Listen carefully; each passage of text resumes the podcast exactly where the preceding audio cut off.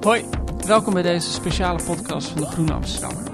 Normaal gesproken trekken onze medewerkers erop uit om internationale muziek, theater en dansvoorstellingen te zien, voordat ze in juni bij het Holland Festival in Nederland aankomen.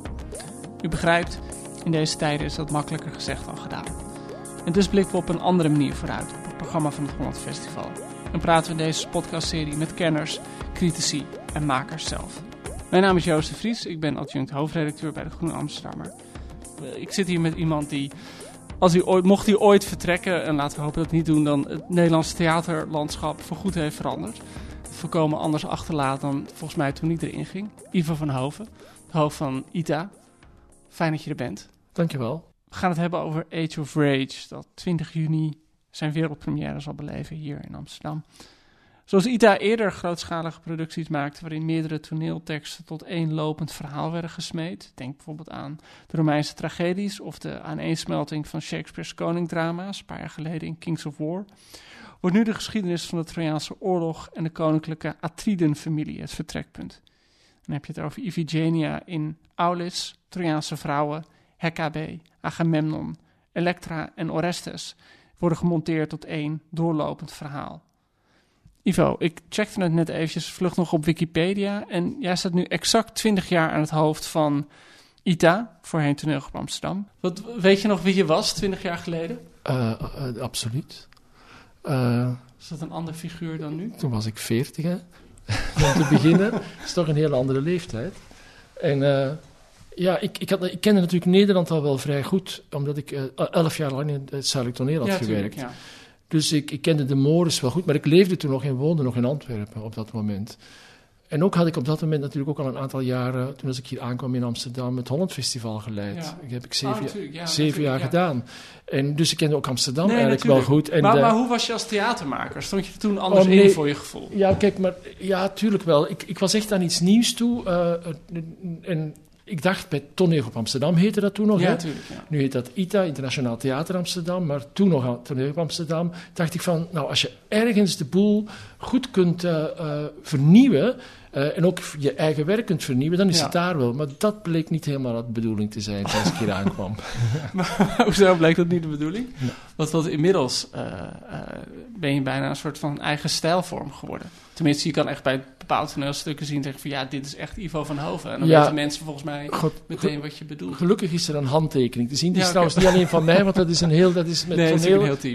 Eh, Ik ben geen schilder die een, een schilderij alleen maakt. Ehm, de- dus ik maak het met heel veel mensen. Met name ook Jan Verswijfeld, maar ook Anne Duis, Ja. Erik Slaagje. Ik noem ze allemaal maar op. Ik ga mensen te, te, tekort doen als ik ze nu niet, niet, zou, eh, niet zou noemen of zou vergeten. Ik bedoel, dus dat is wel belangrijk. En die handtekening die is er wel, maar die handtekening is niet eenduidig. Hè. Er zijn bepaalde grote eh, regisseurs die, Bob Wilson bijvoorbeeld, ja, dan gaat het toekopen, dan weet je meteen dat is een top Bob- Bob Wilson, omdat Ja. het er eigenlijk altijd hetzelfde uitziet. Dat is bij ons natuurlijk niet zo. Er zijn bepaalde lijnen in ons werk. eh, Bepaalde lijnen die zich pas ontwikkeld hebben binnen Toneel op Amsterdam destijds en nu ook nog. Waar dat Age of Rage, de voorstelling waar we het zo meteen over hebben, een, een, een verlengd stuk van is ook. Een, een, terug een nieuwe facet ervan is. Maar er zijn ook voorstellingen zoals mijn Couperus-cyclus, die weer een heel andere stijl was Ja. dan die van de Romeinse tragedies of Kings of War bijvoorbeeld. Dus er zijn verschillende lijnen, het is niet eenduidig, maar eh, als je het aan critici zult vallen, zullen ze zeker woorden hebben die toepasbaar zijn op het werk en op die stijl dan zogenaamd. In ieder geval, die stijl is wel altijd heel theatraal.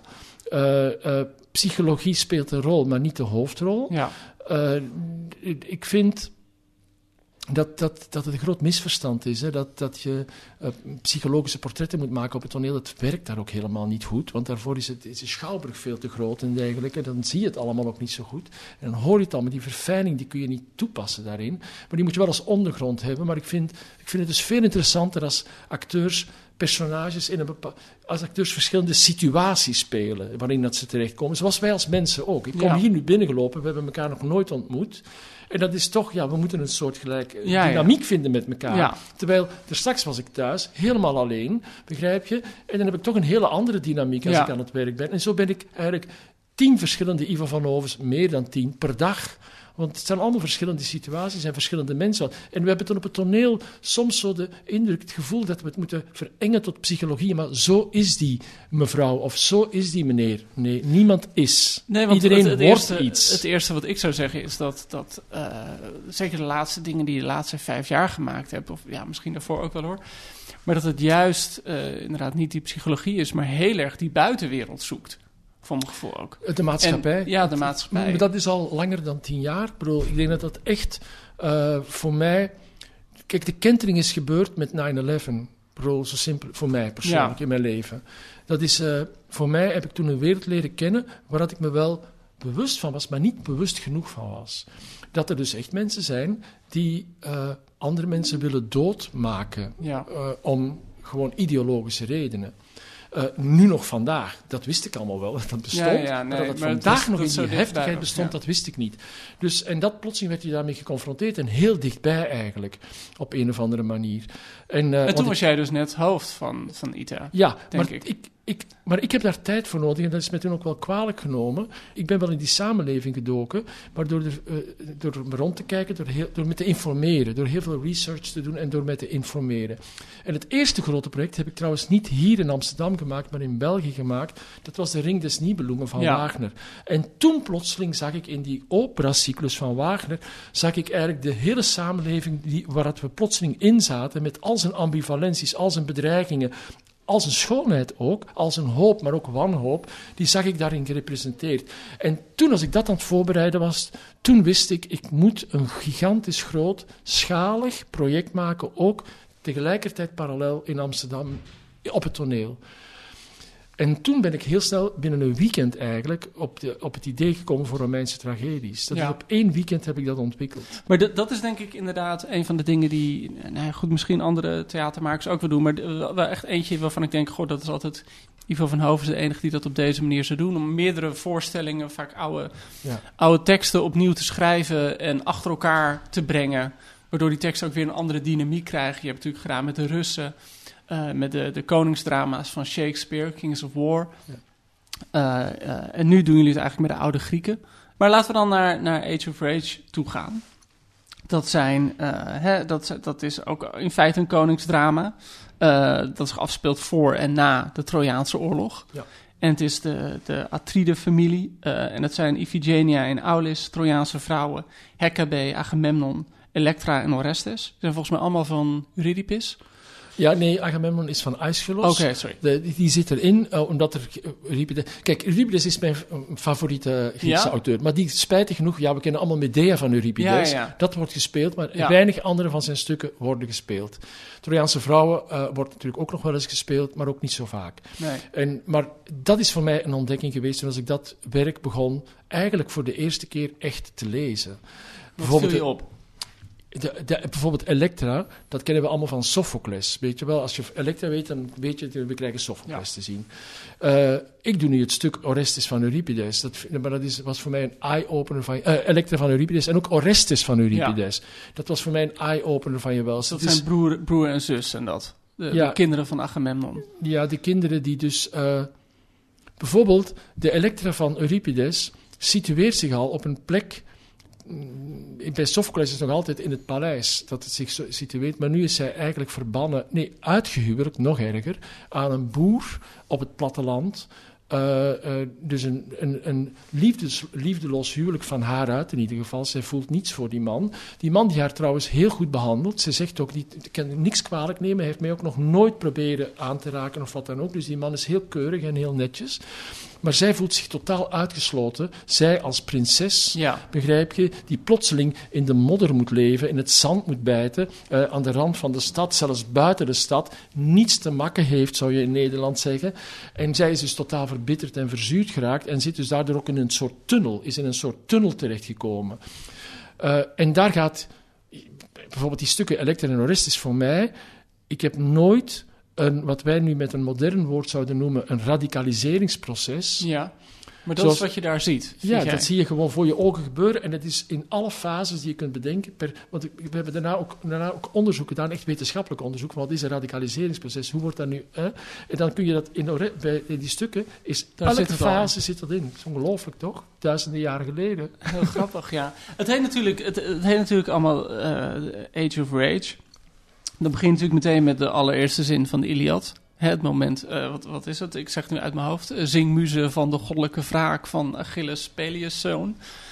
Ja, zo beginnen wij nu niet. Hoor. Zo begint Ja, ik begin natuurlijk weer eh, typisch voor mij, namelijk met helemaal niet een stuk wat we net genoemd hebben. Ja, ah, Maar er is ook nog, namelijk nog een stuk dat helemaal geen Grieks stuk is, want dat zijn dus die leuke dingen met die voorstellingen. Ja. Ik kan dus buiten de lijntjes kleuren en dat doe ik eigenlijk maar vanaf zin Oké, 1. oké. Want dan doe ik een stuk, we beginnen eigenlijk met de oerzonde en de oermisdaad, namelijk die- het stuk Tiestes van Seneca is dat. Oké. Begrijp je?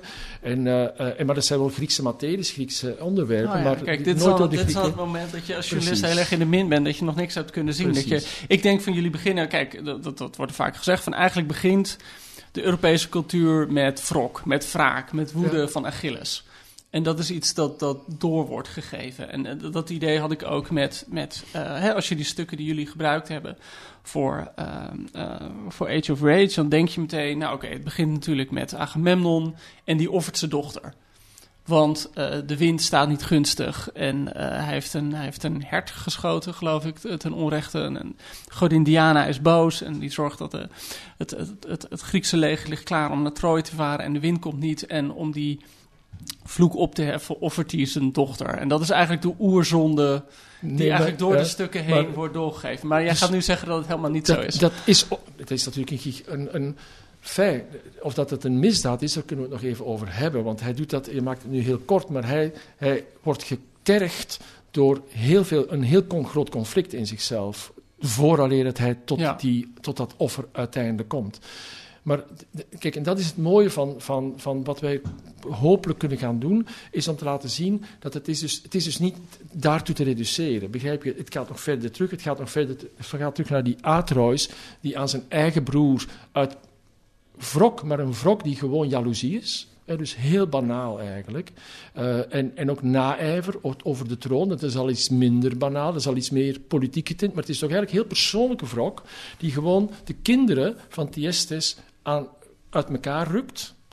Er soep van kookt en die laat opeten door zijn eigen broer. Dus hij eet zijn eigen Ja. kinderen op. Daar begint het mee. Maar daarvoor was er al Tantalus. Die komt ook nog in het stuk voor verderop.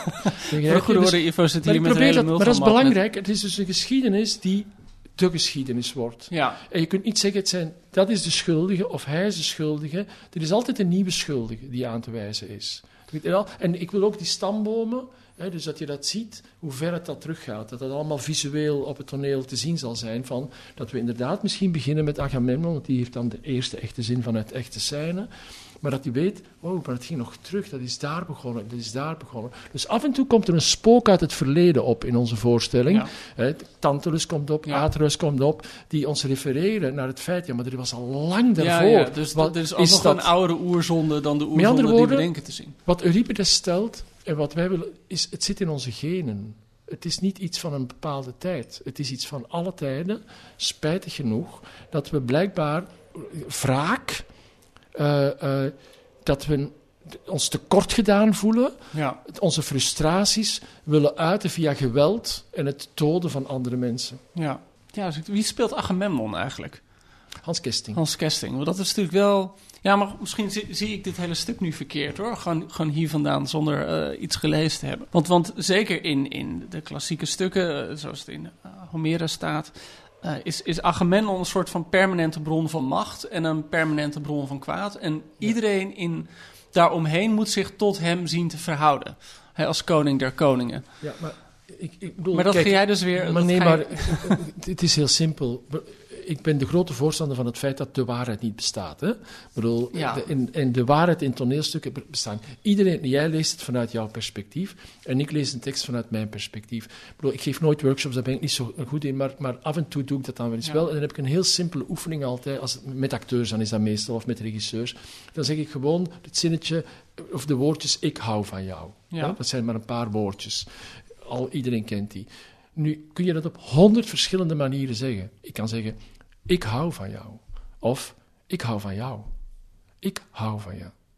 En je kunt dat doorgaan. Ja, ja. Dus door intonaties te leggen alleen al kun je, met andere woorden, ik heb een hele goede leraar gehad toen als ik heel jong was, dus in, op de toneelschool, Alex van Rooij, ik ga hem toch noemen, man is lang dood. Heeft trouwens in Nederland bij het Roodtheater destijds veel gespeeld. En die heeft mij geleerd dat de objectiviteit van een tekst bestaat niet. Dus de absolute waarheid van een tekst bestaat niet.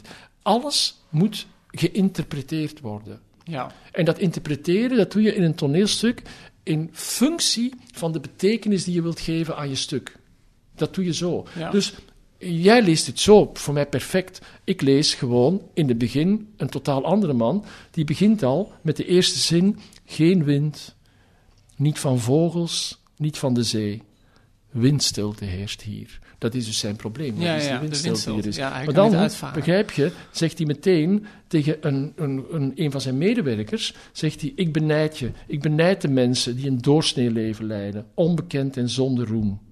Omdat hij zit met een afweging die verschrikkelijk is, namelijk, hij weet dat als hij niet zijn kind doodt, dat dan de troepen niet kunnen uit, dat met andere woorden de oorlog zal verloren worden. Ja. En dat ze, ja, Maar het dat- zal niet eens beginnen, de oorlog. en het zal niet eens beginnen, maar er zullen wel heel veel doden gaan vallen Ja. dan. Begrijp je? Dus hij zit met een gigantisch dilemma tussen het politieke, tussen zijn job, Ja, tussen zijn opdracht, tussen zijn missie voor het land, een groot belang, en het doden van het kind dat hij.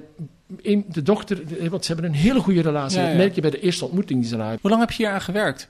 Heel zei dat je echt al, niet- al jaren met je mee... eh, Dat is zo, maar dat- dit soort projecten, dat, dat heeft eh, tijd nodig. Dat heeft echt tijd nodig. Eh, dat, dat moet inzinken, daar moet je over nadenken, hernadenken. Je moet het ook niet, niet... Ik hou niet van politiek theater in de zin van dat het actueel moet zijn. Nee, want dat, daar was ik wel benieuwd naar inderdaad. Van, van Nee. hoe, hoe koppel jij... Hè, want kijk, dat is natuurlijk ook het, het eindeloos interessante van die oude... Of die, die klassieke teksten hernemen. Is dat ze altijd wel weer refereren aan eh, de werkelijkheid op een andere manier. En, of de werkelijkheid, eh, die bestaat niet, hebben we net geconcludeerd. Maar gewoon de, de, de situatie waar we ons in bevinden. Ja, en maar hoe, hoe koppel jij dit dan aan, aan de wereld waar we nu in zitten? alle thema's die erin zitten. de- ik bedoel, kijk, het publiek is niet dom. Hè? Ik bedoel, Nee, nee, maar- Het publiek is veel slimmer dan we denken. Dus we hoeven niet een plaatje erbij te doen van, van Trump.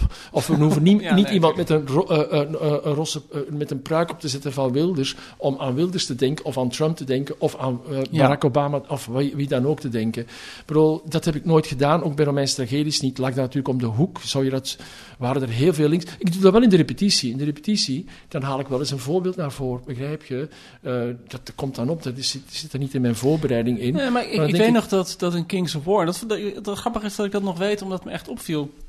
was dat, dat eh, eh, nou, volgens mij had Hans Kessing ongelooflijk lol als, als Richard III. En dat hij op een gegeven moment een telefoon in zijn hand had... en, en met Merkel en, en Poetin ging bellen. Ja. En dat was volgens mij een van de weinige keren dat ik dacht van... goh, er wordt nu wel heel...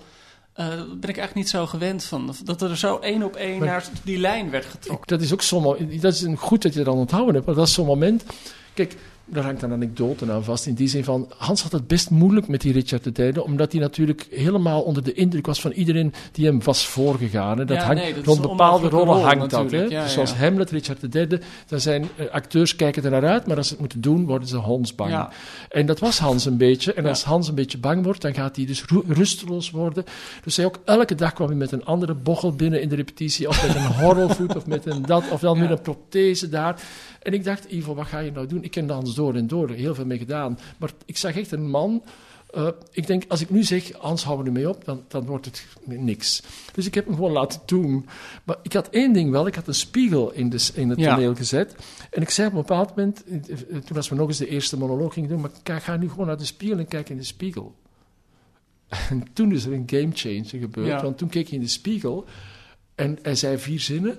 En hij zei, Ivo, ik ben, ik ben mijn beste vriend. Gewoon.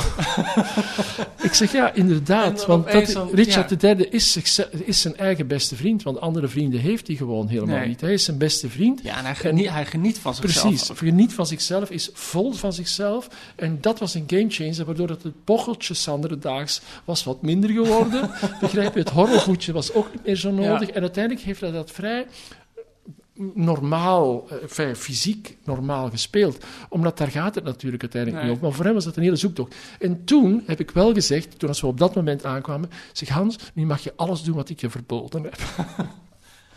en toen heeft hij dus, ik zeg, nu mag je alle Richard III spelen die je ooit in je gedachten gehad hebt. Ja, bedoel, van door elkaar en toen heen. heb ik wel, dat was een heerlijke repetitie, omdat was ik eigenlijk een soort, meer een soort basketbalcoach of een voetbalcoach aan de rand. Dus ik stond te roepen, pak dat tapijt nu en goed, en gewoon eh, eh, zingen en de telefoon, nee, dat Barack Obama, nee, ook nog Merkel.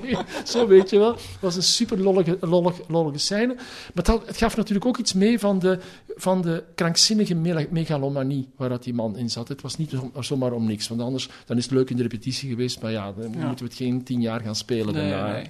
Nou, wat, wat- en wat ik ook nog weet van Kings of War, en dat, dat vond ik zo'n mooie link eh, genomen, dat jullie, dus de, de merendeel van de spelers hadden een soort van militaire uniformen aan, die, die mij overkwamen als zeg maar Engelse soldaten in de Tweede Wereldoorlog. En tegelijkertijd hingen van die hele mooie kaarten. Ehm, eh, ik weet niet of jullie die zelf hebben laten maken of Ja. ergens hebben laten maken. Ehm, waarin je de, de ja, van die, ik, ik, ik heb geschiedenis gestudeerd, dus ik herken ze uit mijn geschiedenisboeken, waarin je dan gewoon met pijlbewegingen op de kaart van Noord-Frankrijk de inval van, van Henry V in, in hè, de 100-jarige oorlog zag. En wat natuurlijk een perfecte combinatie is met die Engelse uniformen van de jaren 40, want toen viel Engeland ook Frankrijk binnen in, in 44. En, dus ik dacht van, god, dat vond ik zo'n mooie parallel van hoe die Dat, daar het zich herhaalt. Ja, maar, maar het is niet zo. Het is ook goed opgemerkt. Ja, sterker nog, ik heb nog zitten googlen of ik die kaarten ergens kon kopen. Want ik Nee, vond ze nee. zo mooi. Die kaarten hebben wij een beetje zelf gefabriceerd allemaal. En ja, Tal Jardin, videoartist samen met Jan Verswijfeld. En ik hou er ontzettend van, van wel ehm, een, een tijdsaanduiding of, of een link te leggen, begrijp je? Maar niet dat het, dat het dominant wordt in een toneelvoorstelling. Bijvoorbeeld, ik, ik geef nu een raar voorbeeld, maar Angels in America heb ik gedaan. eh, in 2008 was dat, vlak na Romeinse tragedies trouwens. Eh, en toen, dat, dat situeert zich eigenlijk in het eind van de jaren 70, begin van de jaren 80, de AIDS-crisis. Ja, ja. crisis. Eh, en toen heb ik besloten. Kijk, dat was een leeg toneel. En, Ja. en, en ik wilde absoluut niet in de jaren 70, 80, maar ik wilde wel even. Een, dus ik heb toen alleen maar muziek van Bowie gebruikt. Uit eind van de jaren 70, begin van de jaren 80. Die muziek, die ik trouwens ook de muziek van mijn jeugd was, die ik door en door kende. Begrijp je? En dat creëerde voor het publiek in ieder geval dat je ook ergens zit je in de jaren 70 en de jaren 80 op dat moment. Ja. En daar hou ik wel van. En hoe dat, dat hier zich nu bij Ja, Age of want- Rage gaat, dat, dat weet ik nog dat niet. Ik ben super voorbereid. We zijn altijd super voorbereid. Maar ik, ik weet het nog niet helemaal precies. Ik weet wel dat we iets zullen doen met die stambomen. Zodoende stamboom, dat je dus al die, dat je dat hele Griekse, Griekse familie die, die bij wijze van spreken tientallen, honderd jaren teruggaat en honderd jaar verder, Ja. dat je die wel meemaakt. Dat weet ik al wel. Maar nog niet Maar ik ga ook niet alles verklappen trouwens Nee, hier, hè. nee, nee, nee, nee, nee. Nee, maar ik, ik vond die, die uniformen toen... En opeens zat ik, ik in dat, die zaal en ik weet nog van, dat de dingen allemaal bij me samenvielen. Maar die decor was ook ge- gebaseerd op de oorlogsbunker. Ja, ja, nee, ik herkende het. Van precies. de oorlogsbunker van Churchill Ja, in, eh, in. Whitehall. Dus, dus, en jullie weten nog niet wat jullie dat met Age of Rage... eh, Wat? nou, hoe jullie dat, dat gaan aanpakken. Dat, die, dat, dat decor, dat, dat eh, de kostuums... allemaal, die Ja, zijn, nee, oké. allemaal in de maak hoor. Ja, dat ja, ja. staat er volgende week. Wel, oké. nou, maar daar ga je niks over. Kan je daar... Kan je daar Het is een hele... Ga je ja, het ook weer, ik bedoel, ik zo duidelijk aan een tijd koppelen, laat ik het zo zeggen. Nee, maar zo, ik zal... nee, maar in Ki- Kings of War was ook... Jij hebt dat nu opgemerkt, maar dat is niemand anders die Ah, dat ooit ja. gezegd heeft. Dus ik bedoel, het was niet zo dominant aanwezig, Ja. denk ik. Dat was ook niet de bedoeling. Eh, maar ik hou er wel van, zoals ik zei, van ergens tijd... Hier beginnen we in ieder geval met, met, met die... Kijk, het feit dat het de godenwereld heeft, dat heb ik gerespecteerd. hè. Ja, daar ben dat- ik ook heel benieuwd naar. Ja, maar ik vind het niet zo moeilijk eigenlijk. Kijk, toneel is ook het rijk van de verbeelding. Hè? Het is niet het rijk van de realiteit. Het is niet een spiegel van de realiteit. Hè? Het, ik, Harold Pinter heeft daar, eh grote Engelse schrijver, toen als hij de Nobelprijs kreeg, heeft daar iets prachtigs over gezegd, vond ik. Hij zegt, het theater houdt zich niet bezig met in de spiegel kijken, maar te kijken wat er zich achter de spiegel ah, plaatsvindt. Dat vind ik een prachtige eh, eh, zin om over na te denken, maar ook wat het eigenlijk wel is. Het is een groot misverstand dat theater een afspiegeling is van de, van de werkelijkheid. Dus dat wil ik ook helemaal niet doen. Eh, en nu ben ik... En we zitten in een podcast, dus alles Oh, gaat joh, gewoon nou, door. ja, maar nu ben ik gewoon. Ja. verloren waar we het over hadden. Oké, dan ga ik, ga ik toch... Ik, ik wil toch nog even terug naar, die, naar de oude Grieken van, van Age of Rage. Wat ik altijd denk bij, bij altijd die stukken... ehm, het is altijd misdaad en straf op een gekke manier. Het is altijd... En, en daar zit denk ik wel iets. Het zijn altijd hele strenge gebeurtenissen. En waarbij je altijd het gevoel hebt dat het, het strafsysteem van de oude Grieken anders werkt dan bij ons. Het is bij ons, hè, intentie telt niet daar. Het is altijd een gebeurtenis, de daad. Oedipus weet helemaal niet dat hij zijn vader heeft vermoord. En hij weet niet wat hij, dat hij met zijn moeder slaapt. Maar toch, bam, dat is gewoon. Er zijn geen verzachtende omstandigheden. Het is heel streng. In, in Is dit geval, iets- ja. ja, dit, dit- dit is waar. Eh, er is een fantastische Amerikaanse filosoof, een vrouw, die heeft daar. Die, die heeft veel eh, filosofische boeken geschreven die daarover gaan. En zij gebruikt altijd de Grieken inderdaad Ja. als voorbeeld. Ik lees haar ook dolgraag. Martha, Martha Nussbaum. Oh, Nussbaum, ja, ja, precies. Hè. Een groot, groot schrijver, maar die schrijft heel veel over Griekse tragedie in haar boeken, met grote analyses. Dus ik heb ook nu verschillende van haar dingen gelezen, die mij heel behulpzaam zijn. Wat is, de Grieken zijn er on- inderdaad ontzettend mee bezig. Van, kijk, in dit stuk bijvoorbeeld is het anders dan bij Oedipus. Oedipus is zich niet bewust van zijn misdaad. Hier is iedereen Ja, zich heel, bewust van de misdaad. goed. Is maken heel bewust een keuze. en het zijn mannen en vrouwen. Ja. Hè, Clytemnestra heeft er tien jaar op moeten wachten om haar man te doden. Ja. Ze is de best voorbereide vrouw ja, ter is wereld echt- om die dat is moord te plegen. voorbedachte moord. Dat is met voorbedachte raden. Dat, dat komt niet zomaar even op. Nee. Dus, en het ongelooflijke is in dit stuk, enfin, als je alles samenbrengt, dat iedereen vindt dat hij of zij een, een goede legitimatie heeft om dat te doen. Ja. En ze leggen dat ook, iedereen heeft een, altijd na de moord gebeurd is, een speech Ja. waarin het ze uitleggen, maar dit was een rechtvaardig moment. Het is verschrikkelijk, maar het is wel rechtvaardig. Dus de legitimering. En dat vind ik dus merkwaardig, dat iedereen van zichzelf altijd vindt, als je iets fout doet, Ja, ik bedoel, met, op klein niveau hebben we dat met corona nu toch ook. Als we een klein foutje maken, ja, maar, Ja, ik bedoel, maar goed, hè, ja, precies. hè, ja, en, en ik, ik heb wel anderhalve meter gehouden, hè, maar, maar Ja. eh, ja. dat is natuurlijk niet goed. Begrijp je? Iedereen is altijd bezig met zijn eigen gedrag, of zijn eigen wangedrag in dit geval, misdaden, te legitimeren. Om dat voor zichzelf goed te praten. En vaak, moet ik eerlijk zeggen, is, zit er wel iets in. Bedoel, denk je van, inderdaad. En dat doen de Grieken. De Grieken doen je erover nadenken, over die legitimatie. En, en, en ik denk dat dat hopelijk een van de belangrijke dingen wordt uit, in onze voorstelling. Dat is dat je dat ziet verschuiven. Ik bedoel, Kijk, waarom? Dat heeft weer met die Euripides te maken. Hè? Want Aeschylus heeft ook de, Trojaan, heeft ook de Oresteia geschreven. Ja. Dat is ook het verhaal van Agamemnon, Ja, ja, Orestes en Elektra. Hij komt erop, bij hem is het een verhaal dat uiteindelijk komt tot het tot stand komen van democratie. En dat democratie het perfecte rechtssysteem is. Daar gelooft Euripides al lang niet meer in. En hij leeft in dezelfde tijd. Ja, maar Euripides, vijfde eeuw ja, voor een heel Christus. Ja. beetje beter Ja. dan ik allemaal. Eh, en, hij- maar Euripides heeft natuurlijk midden in een oorlogstijd geleefd. Al In de tijd van de Peloponnesische oorlogen heette dat toen. Dus die is daar enorm, die, die was zijn hoop en zijn eh, optimisme echt al wel verloren. Dus die stukken die zijn veel ruwer, harder, rauwer en to the point. Maar wel, hij laat wel iedereen aan bod. Dus het is niet dat, dat het een dogmatische schrijver is. Hij laat, er is een prachtige, prachtig groot fragment in de Orestes, waarin het Orestes heeft een misdaad gepleegd. Enfin, de meest ultieme misdaad bij de Grieken is je moeder vermoorden. Ja. Daar dat is werkelijk voor niemand was dat aanvaardbaar. Orestes wordt ook meteen doodziek, letterlijk, en depressief. Die, is, die is, heeft zichzelf knock-out geslagen eigenlijk door zijn moeder Ja. te vermoorden. En dan komt hij in contact met eh, een, een, een nonkel die opkomt, dat is Menelaus, Me- Geschoten van Aschat wordt dat. Medjid uit Mardo speelt trouwens die eh, Orestes. En die komt, en die komt erover praten, over hoe dat het nu met hem verder moet. En daarna komt de grootvader op, Tyndareus, die, eh, die gespeeld zal worden door Hans Kesting, die een dubbelrol heeft. En dan krijg je eigenlijk een jonge man, Medjid, een, een nonkel, Gijs Scholte, en dan de grootvader, Hans Kesting. Ja. En die hebben alle drie een verschillende visie Dus op de meerdere het gebeurde en op hoe dat het Ja. verder moet met de wereld. Daar gaat dit over. En dat interesseert me ook. Mij interesseert het om verschillende opinies te horen, horen, ook als ik ze niet wil horen.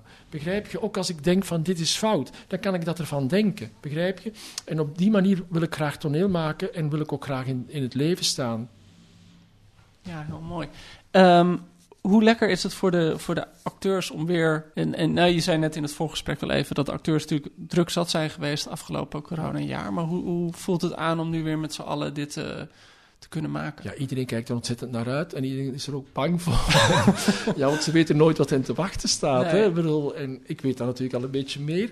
En dat is, nee, maar ze kijken er ontzettend naar uit, omdat ze natuurlijk ook die ervaringen nu hebben met die andere grootschalige projecten. En ze weten dat het een risico is, want je weet niet, ja, dit bestaat nog niet. Hè? Ja. Dit is een samenraapsel van allerlei toneelstukken die. Dus we hebben een eigen begin, midden en einde gemaakt hieraan. Hè? Zo simpel is dat. Ja. Dus we weten het niet. En, maar het beangstigt mij niet. Het is gewoon, dat is er eigenlijk waarom dat we het toch doen. Een schilder begint ook met een idee voor zijn schilderij. Maar het komt tot stand terwijl je het aan het maken bent. Dus ik ben nu supergoed voorbereid met mijn team. Maar de acteurs die gaan natuurlijk heel veel bijbrengen nu. En die gaan heel veel inspiratie extra brengen. Waardoor dat ik denk, ja, maar oh, we kunnen ook die kant uit. Maar dat is wel interessant, laten we dat eh, en zo. Dus dat wordt weer een, een tweede deel van het proces gaat nu eigenlijk nog maar pas beginnen. Wat, wat, wat ik me namelijk ook afvroeg, en, en dat, dat vind ik wel een van de interessante dingen die er... De laatste paar jaar zijn een aantal hele mooie boeken eh, verschenen, romans. Ik, ik noem bijvoorbeeld The Silence of the Girls van Pat Parker. Die dus echt dit verhaal hebben gehad en ook heel erg geprobeerd hebben die, die shift... Want het zijn natuurlijk het zijn, het zijn ook stukken... Nou ja, goed, eigenlijk de stukken die jij genomen hebt misschien iets minder... maar de Iliad en, en de Odyssee zijn natuurlijk echt spierballenverhalen... met, met supersterren, eh, Achilles, eh, Agamemnon, eh, Odysseus natuurlijk... En dat, dat zie je dat, dat iemand als Pat Barker, maar ik kan nog een aantal andere voorbeelden geven, die heel erg ook nu die verhalen van die vrouwen ernaast willen zetten. En, en het, het op een andere manier Ja. dat verhaal bekijken. Dus een keer die Iliad niet vertellen vanuit hè, Achilles als superster, maar vanuit Briseis. De, de tot slaaf, ja, slavin gemaakte priesteres die, eh, waar eigenlijk de ruzie om gaat. Is dat ook iets dat je hier... Ja, eh, maar kijk, dat is bij, daar ben je bij de Grieken in goede handen. Hè. Dan, dan moet, dat ben ik, ben ik maar een kleine knecht van de Grieken, Ja, zal ja. ik maar even zeggen. Kijk, Clytemnestra is het enige personage dat door het hele cyclus loopt bij mij. Clytemnestra is in, in het stuk, heet wel Agamemnon, maar is zij eh, totaal Ja. in de lead van wie alles. speelt daar even tussendoor? Chri- eh, Chri- Chris Nietveld speelt wist niet van- oké. En eh, eh, bijvoorbeeld, maar je hebt ook Iphigenia, die dominant is, eh, die een ongelooflijk traject af, uitmaakt, eh, maakt. Want van een jong meisje zie je dat een volwassen vrouw worden, een soort Jeanne d'Arc, die voor het landsbelang wil sterven. Hè, want uiteindelijk Tuurlijk, ja. doet de vader dat, omdat zij zegt, ik wil dat het gebeurt. Nou, en haar, Dus zij heeft dat zelf, ze bepaalt haar lot zelf. En dan... Ja, en, en haar, haar, haar eigenlijk heel veel van die andere stukken die volgen, volgen door haar natuurlijk. Is Alles- haar nalatenschap in feite. Wat is er, enorm. Ja. En dan heb je Hekabe, een minder bekend stuk van Euripides, dat, dat ik voor is de, de vrouw van de Priam, Priamus. Priamus, ja, de, de koning van, eh van Ja. Troje. Ja, dankjewel, dankjewel. Dat is eh, prima, dat is echt Ja. goed. Inderdaad, zij was koningin en, ze is, en ze- je krijgt haar in ons stuk te zien als krijgsgevangene. Ja, En dan zie je hoe dat, hoe dat het een verwoeste vrouw is. Ze heeft een prachtige monoloog daar ook in, waar dat ze eh, ook aangeeft dat ze ook verkracht is. Hè? Zoals Ja. ge- in oorlogen gebeurt. Hè? Spijtig genoeg dat- dat er ja, dan dat nog een keer ook de extra vernederingen moeten bijkomen en pijn moet nog extra toegevoegd worden. En je ziet die vrouw van een slachtoffer tot een beul worden. Dat wordt een wraak. Die, die, Ja. wil ook wraak. En dus die vrouwen, en dan heb je Clytemnestra, zoals ik gezegd heb, en dan heb je Elektra. Dus je hebt eigenlijk door de hele cyclus, je hebt ook die mannen, en je hebt Agamemnon, Ja. je hebt Menelaos, maar je hebt ook eh, vier supergrote vrouwenrollen die dat hele verhaal overspannen. op dus je manier... krijgt automatisch die verschillende visies daarin. Ja, ja supermooi materiaal. Ehm, ehm, tot slot, mogen mensen wel eens verzoekjes bij jou doen? Een soort verzoeknummers indienen? Dat mag, maar, maar proberen. bijvoorbeeld, wat bedoel je? Maar, Nou, nou ik, ik, ik denk van, nou goed, dan zit ik hier tegen, tegenover Yves van Hoven. Dan Ja. moet ik toch vragen van, kan je niet een keer eh, Henry IV doen? ja, dat, is toevallig... mijn, mijn, pers- mijn persoonlijke favoriet ongeveer. goed, Dus ga ik dan nog eens het herlezen. Het zijn trouwens twee delen. Hè? Dus, Ja, het zijn eh, twee delen, inderdaad, Dus ja. is, nee, maar Hendrik IV is een stuk dat ik eerlijk gezegd eh, dat nog niet ter hand genomen heb om echt te bestuderen. En ook omdat het die twee delen zijn, omdat ik, ik had natuurlijk Kings of voorgemaakt. Maar het is een goede tip. Ja, nee, ik denk, ik, ik probeer het gewoon. Je hebt altijd, als je, het als je mijn Spielberg boekje. tegenkomt in de lift, dan moet je altijd iets zeggen van, hé, hey, ga, dit, eh, ga dit boek doen. Dank je voor het compliment. Eh, ja, nee. hey, Ivo, heel fijn dat jullie wilden zijn. Graag Ik heb gedaan. echt super zin. eh, nou, ik ben gewoon heel benieuwd wat er, wat er van wordt. Ja. Voor mij is het best wel een soort van. ik zie jou hier gewoon zo zitten met zo'n zo'n ringbandmap waar de toneelstuk in zit. En, en ik heb nog geen idee. Dus ik ben alleen maar extra nieuwsgierig geworden. Dus heel fijn. Dankjewel. Dank Eh, u luisterde naar de podcast van het Holland Festival in samenwerking met de Groene Amsterdammer over Age of Rage. eh, vanaf 20 juni te zien op het Holland Festival. Kijk op hollandfestival.nl of ita.nl denk ik voor meer informatie en kaartverkoop. De productie en techniek waren in handen van Giselle Mijn Lief. Uh, ik ben Joost de Vries. Holland Festival wordt mogelijk gemaakt door het ministerie van OCW, de gemeente Amsterdam, productiepartner Amodo, hoofdbegunstiger Fonds 21, HF Business Partners, particuliere fondsen en vele, vele vrienden van het festival. Bedankt voor het luisteren.